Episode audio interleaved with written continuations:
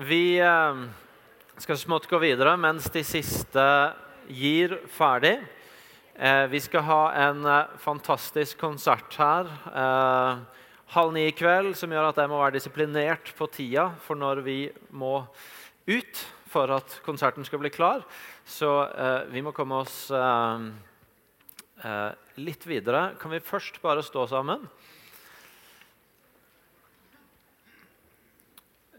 Vi har allerede bedt en del. Eh, det var bare et par-tre kunnskapsord jeg har som jeg har lyst til at vi skal be inn i før vi taler. Eh, mens vi lovsang, så tror jeg det var noe på svulst i magen. Eh, noe på smerte her i armen. Jeg vet ikke helt hva det heter, det. men eh, in innsida av albuen. Eh, og eh, smerte, betennelse i tåa. Hvis noen av de orda treffer deg, kan du ikke bare gi han i været, sånn at vi kan få be for deg? Nydelig. Da gjør vi det sånn her på huset at det er folket som ber. Så dere som er rundt og som er komfortable med å be, eh, gå og legg hendene på dem og be for dem. Hold handa oppe til du har fått noen som ber for deg. Dere andre, strekk gjerne hendene mot, be for. Står du ved siden av og ikke har lyst til å be, så bare trekk deg litt til sida. Og så ber vi sammen. Takk, Jesus, for at du er her. Nå har vi bare lyst til å løfte brødre og søstre opp for deg eh, og ber om din helbredende kraft i rommet akkurat nå.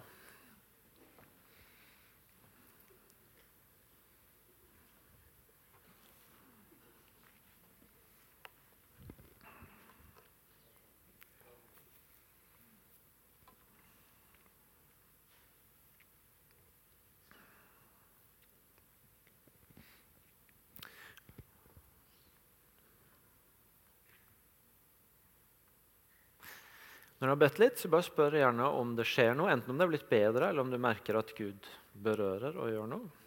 Og gjør han det, så eh, bare velsign det. Og hvis ikke, så ber vi en gang til før vi går videre.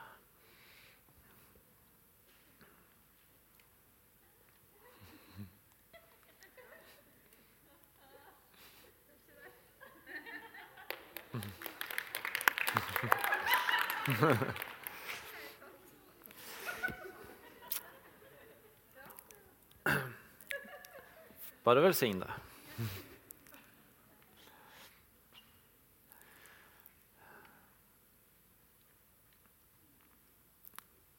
Fantastisk. Jeg er klar over at ikke alle kan sjekke her og nå om det er noe.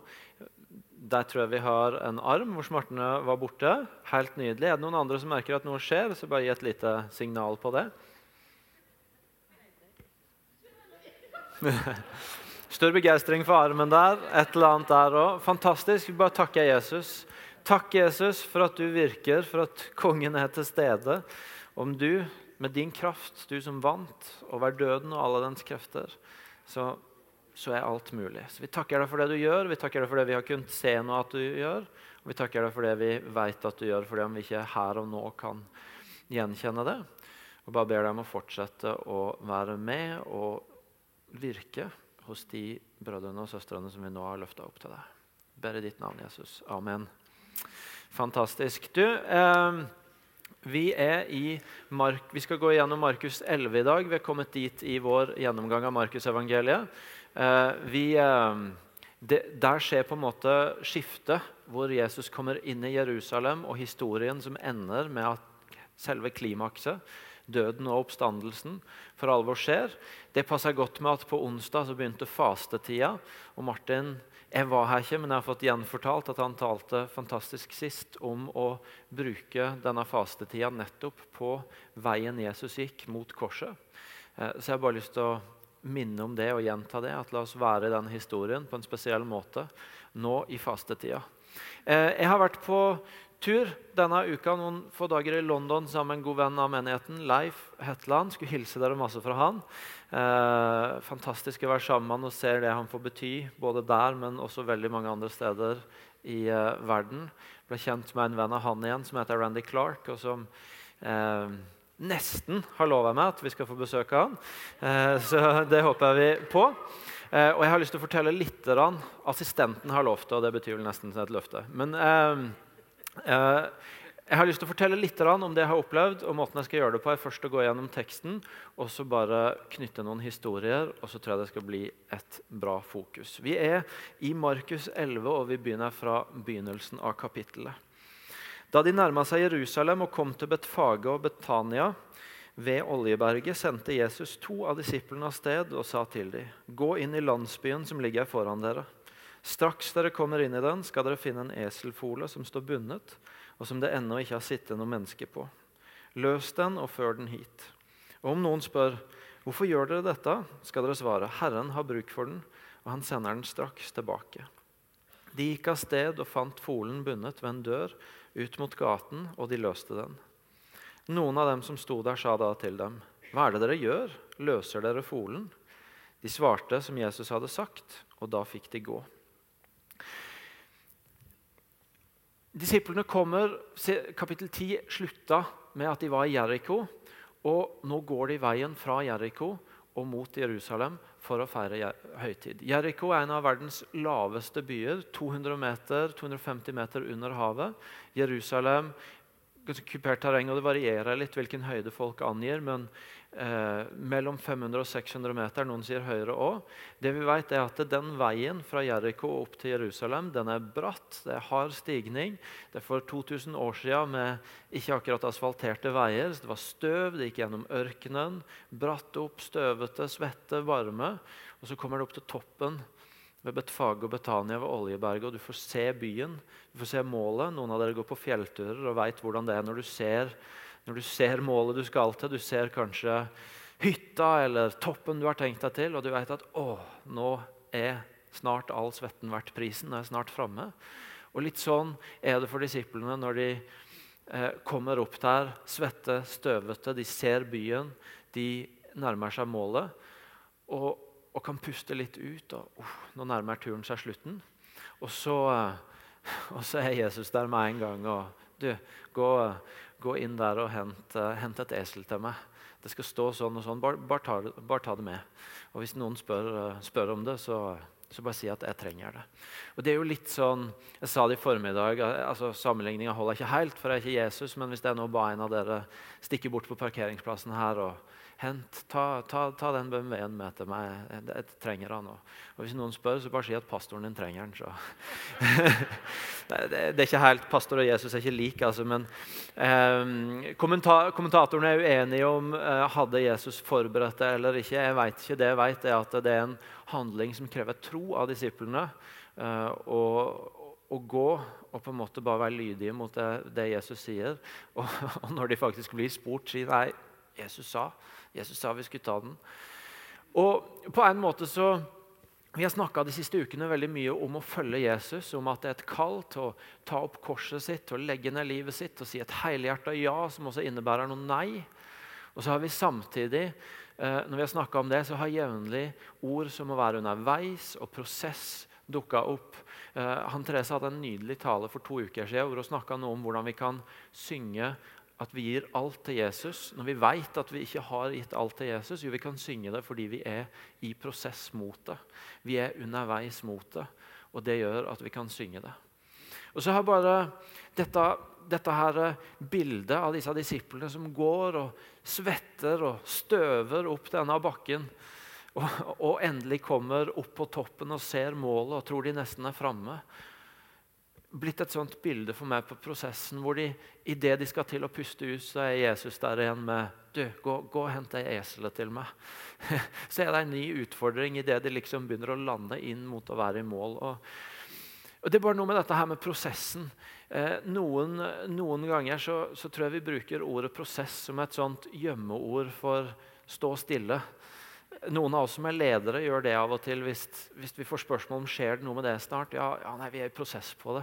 Det betyr egentlig, Jeg har ikke tenkt på det siden sist gang, men, men jeg håper vi skal ta tak i det snart. og, uh, og, og, noen ganger skjer det sånn med livet våre òg. At, sant? at uh, jeg er i prosess. Jeg er i prosess. Det betyr egentlig jeg har ikke lyst til å bestemme meg ennå. Jeg er ikke klar for å velge. Og så, og så er det sånn dekkeord egentlig for kanskje å stå litt stille. prosess eh, Det ordet tok meg denne uka jeg forberedte meg og bare tenkte på det. Hadde halen til han Therese i hodet, og, uh, som jeg syntes var, var, bra. Så, jeg måtte bare slå opp i ordboka. og Noen steder står det forskjellige ting som at prosess det er en kontinuerlig endringsrekke. Uh, det er en systematisk serie av handlinger som har en retning. Det er en pågående aksjon eller operasjon som tar sted mot et mål. Prosess er å være i bevegelse i en retning. Det er ikke et dekkord for å stå stille. Og Disiplene fikk erfare det når de i det de tenkte at ok, la oss puste ut litt nå, så, så, så, er det en ny greie der. Jeg prøver ikke å si at det å være disippel er å svette heil, en hel masse hele veien og streve og kave. Men, men det er denne her prosessen som det hele tida er bevegelse i. Som er underveis mot noe, som ikke er ferdig, som ikke bruker prosessen som en unnskyldning for å stå stille og for å ikke følge han men som er i denne her kontinuerlige prosessen av å følge han, bli ledet av han, bli mer lik han, eh, bli prega av han, finne ut hva det vil si, som vi har snakka om allerede i kveld, at kongen er med oss. Det er en pågående prosess med ei retning. Og så skjer dette her, så står det så førte de folen til Jesus og la kappene sine på den, og han satte seg opp. Mange bredte ut kappene sine på veien, andre dekka den med grønne kvister som de hadde skåret på markene omkring. Både de som gikk foran og de som fulgte etter, ropte Hosianna, velsignet er Han som kommer i Herrens navn. Velsigna er vår far Davids rike som kommer. Hosianna i det høyeste. Han dro inn i Jerusalem og gikk opp på tempelplassen. Det som skjer her, når vi leser den hendelsen 2000 år etterpå og på en måte hører om at ute der i uh, marka utafor byen så, så, er det noe greier med et esel og noen palmegreiner og noen kapper på veien, så kan det høres ut som en litt sånn koselig, gøyal markering av at nå, nå kommer det en fyr vi liker litt ekstra godt på vei inn til Jerusalem. Men hvis den levde i den tida og kjente symbolen og kjente historien, så vet en veldig godt at de tinga som skjedde der, det var ting som bare man gjorde hvis det var en konge som kom. Det å legge ned kappene sine på veien det gjorde man bare hvis kongen kom. Det å kutte av greiner og veive med dem på den måten fra trær uti der, det gjorde man bare hvis kongen kom. Og det å rope fra Salme 118, vers 25, disse eldgamle versene om Hosianna, velsigna er Han som kommer i Herrens navn, det visste man at var et hyllingsrop til kongen. Og når folk så at det var dette som skjedde, så visste de at nå hylles kongen. Vi vet, vi, vi lever i en tid hvor det er massevis av kjendisgreier. Og vi er vant til å ofte se at det er oppstyr og, og greier rundt kjendiser. I går så, så sto jeg og talte på studentgudstjenesten der inne, og så plutselig så går Morten Abel på vei forbi på vei inn for å spille her på en eller annen event her. og jeg hoppa et lite øyeblikk liksom i fordi at Oi, der er Morten Abel. Han har jeg sett på TV.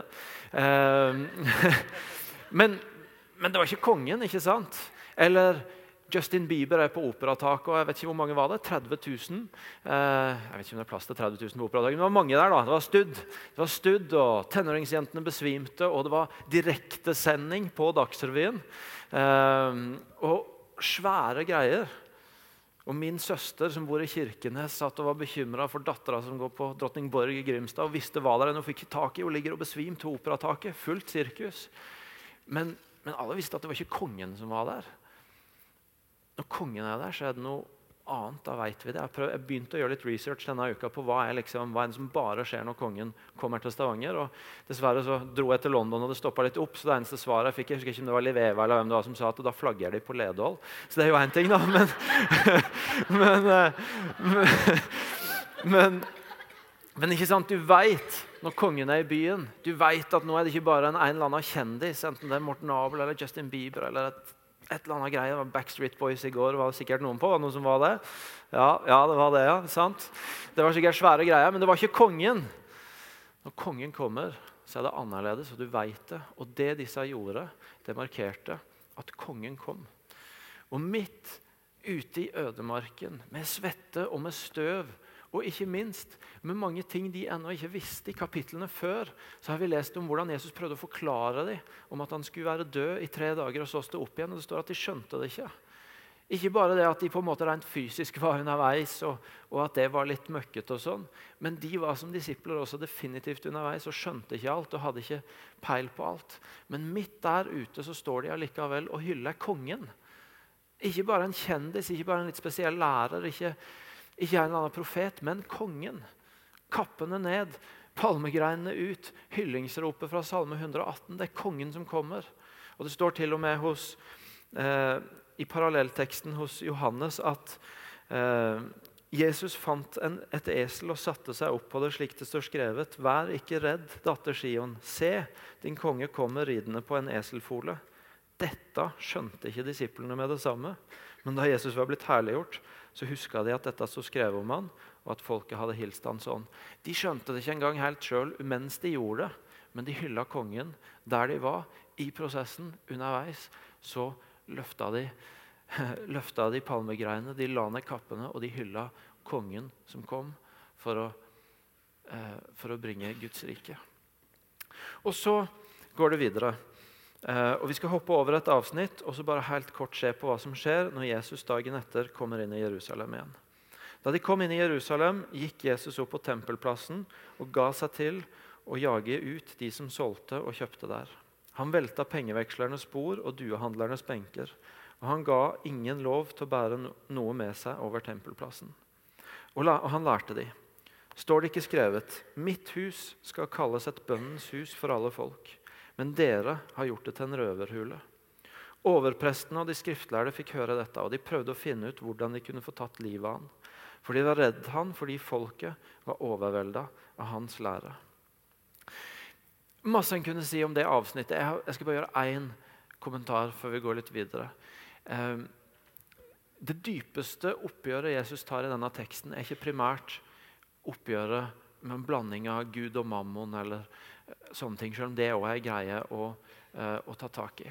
Men først og fremst så kommer Jesus inn på det stedet. Israels folk er Guds folk. Og tempelet er gitt som et sted hvor de skal kunne møte Gud få tak i Guds nærvær, sånn at de kan bli til velsignelse for andre. sies helt fra starten av i 1. Mosebok 12. Jeg skal velsigne dere, sånn at dere skal bli til velsignelse for andre. Og så har de som styrer tempelet, bygd opp et system som er et ran. Fordi det raner Han kan Jesus si er røverhule. Fordi det raner folket fra at dette er stedet hvor de får møte Guds nærvær, sånn at de blir til velsignelse for andre. I stedet er det bygd et system hvor det koster penger å få, uh, å få komme inn og få tak i ting, og, og, hvor det handler mer om å opprettholde det systemet. og Jesus har konfrontert det bare noen kapitler tidligere, hvordan de bruker dette systemet til å hindre folk til å hedre sin far og sin mor. Jesus tar et oppgjør med at noen har gjort det som skulle være stedet for å møte Guds nærvær, sånn at det ble til velsignelse for andre til et, til et religiøst system som i stedet bare opprettholder makta til de som styrte der. Og Det kaller han for et ran. Han kaller det for ei røverhule. Kan ikke ha det sånn. Denne uka så har jeg vært en liten tur eh, i London. Området av London som heter Hammersmith. Kan ikke mye om den bydelen og skal ikke forelese veldig. Men, eh, men jeg har bare lyst til å tegne for det, det, er noe med det bildet av det jeg har vært med på der, og der det har skjedd, som har gjort noe med meg. Eh, bydel i London mellom flyplassen og inn mot sentrum, hvor det er en sånn rar miks av folk som bor. Det er masse offentlige boliger hvor det bor folk fra mange forskjellige nasjonaliteter og kulturer ganske langt unna den eh, europeiske. Og så er det en miks av det, og at Hvis du skal kjøpe deg leilighet der, så sa han lokale presten at da koster det gjerne en to millioner pund. 20 millioner kroner. Så det setter til og med boligpriser i Stavanger litt i relief. Eh, og, og, veldig sånn bredde i type folk, masse liv. Og når du kommer ut av T-banestasjonen på Hammersmith og går opp trappene, så ser du ut på masse trafikk og masse forskjellige folk, og så en svær, gammel katedral som er bygd i 1630. Og som først ble bygd som et kapell, og så ble det gjort en svær katedral på 1800-tallet som var masse, masse liv i. Og så ikke ulikt mange andre kirker i det kontinentet vi bor på. Innen slutten av 1900-tallet så var det nesten ikke liv igjen der. Nesten ingenting som skjedde der. Én, dessverre, og ganske mange sånne flotte, store kirker som forteller noe. Johannes var også inne på det. Forteller noe om en historie som har vært. men ikke om et liv som er nå. Helt til i år 2000, hvor en gjeng, 180 mennesker fra en menighet vi er gode venner med, Holy Trinity Brompton, flytta inn i kirka igjen, satte nytt liv i det. I dag så tilber minst 700 mennesker der hver søndag. Skjer masse greier imellom, og de er med på å bety en forskjell i den byen. Og så, denne uka, så kommer eh, vi folk fra hele Europa for å være sammen på en konferanse som handler om egentlig å få tak i mer av hvordan Gud virker, Guds kraft virker, hvordan Gud helbreder, hvordan Han kan gjøre noe i våre liv som vi ikke kan gjøre på egen hånd. Og Jeg satt der, snakka med dere i stad om prosessen. Jeg satt og hadde begynt å jobbe med denne teksten og hadde det i hodet. og Sitter på sesjon én og tenker, har, har på en måte begynt å si til meg sjøl det jeg sa til dere om prosessen.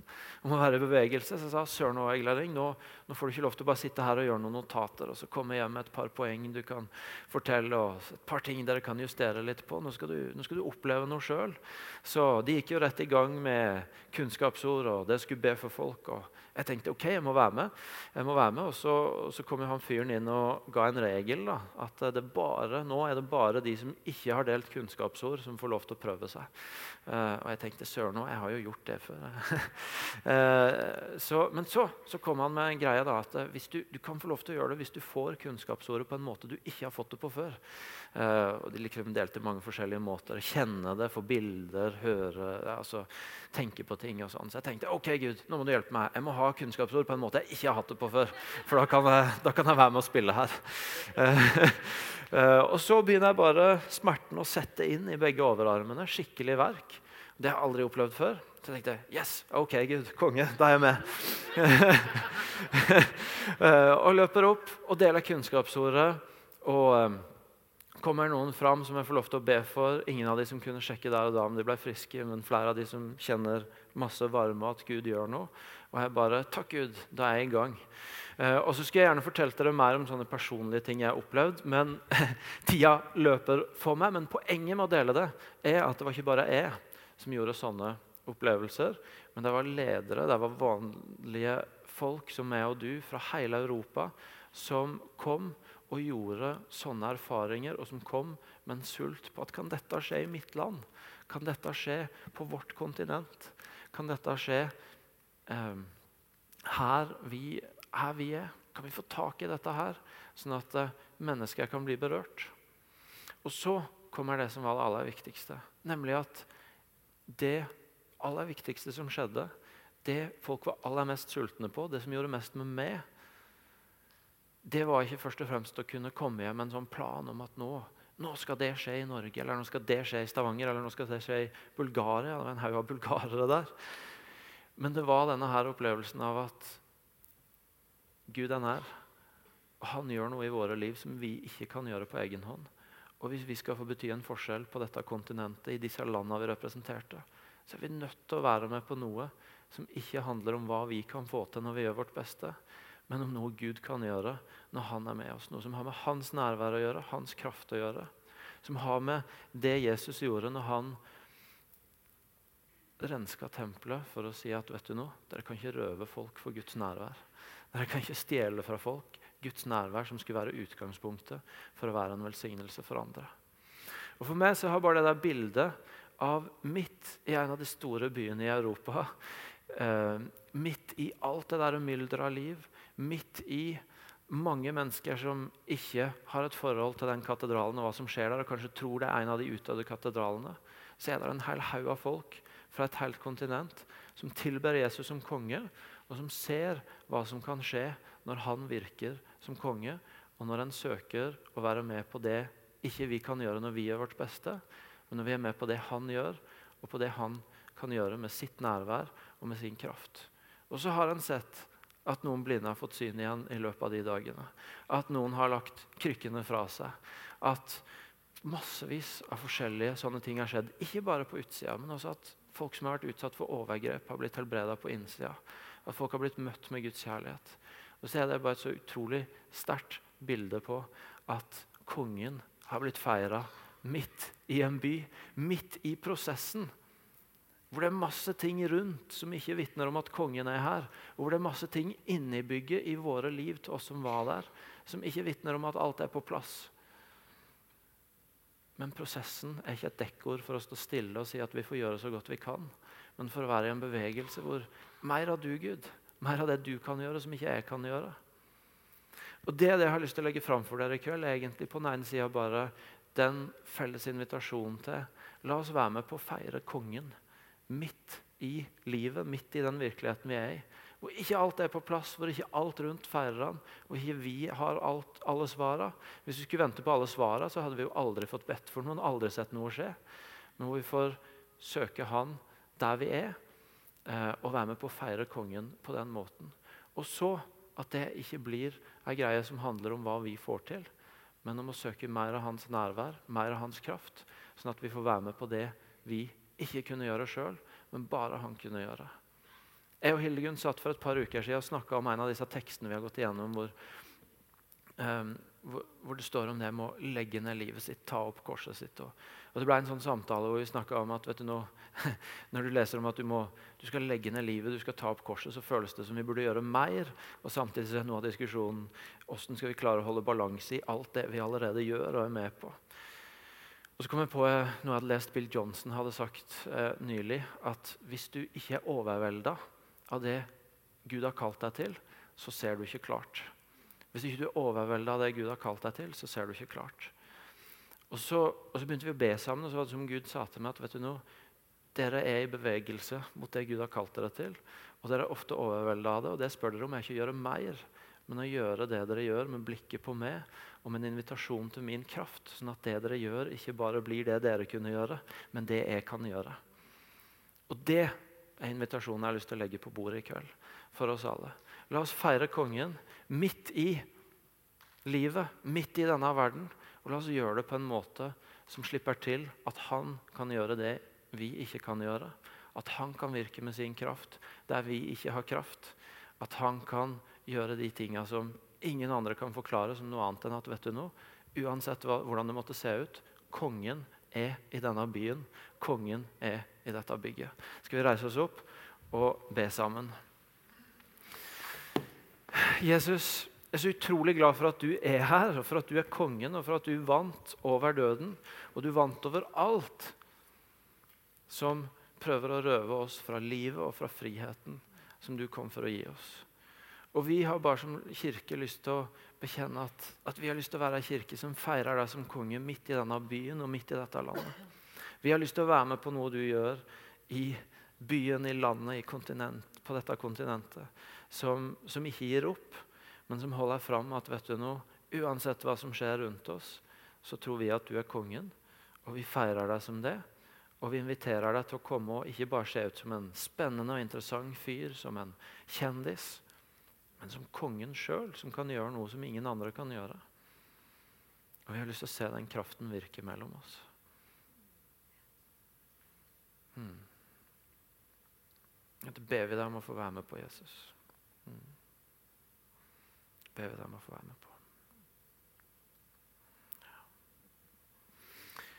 Nå er det sånn at uh, vi skal begynne å rigge om til konsert. Jeg har lyst til å be for de av dere, og ikke bare jeg. Vi har andre forbedrere her også. Jeg har lyst til å være med og be. hva det skulle si. Uh, uh, for de av dere som kjenner at vet du noe, jeg har lyst til å være med på å feire kongen, men jeg trenger Guds kraft for at det ikke bare skal, skal bli de greiene jeg får til å utrette. Det er dere jeg har lyst til at vi inviterer til at vi ber for i kveld. Det kommer til å komme litt lovsang på anlegget. Eh, de rigger om her, men, men vi, vi, bare ber sammen. Og de av dere som vil være igjen, enten for å reflektere eller for å ta imot forbønn, gjør det. Og dere andre bruker kafeen, og og så kommer dere tilbake igjen til konserten. Vi som, er, vi som skal be, forbedre dere som vil være med av stab, andre, vi bare stiller opp her foran. Og så kommer du som kjenner at vet du noe, jeg vil feire kongen, men da trenger jeg mer av Guds kraft. Kommer jeg bare fram, så har vi lyst til å legge hendene på deg og be for deg. Vær så god, bare begynn å komme fram.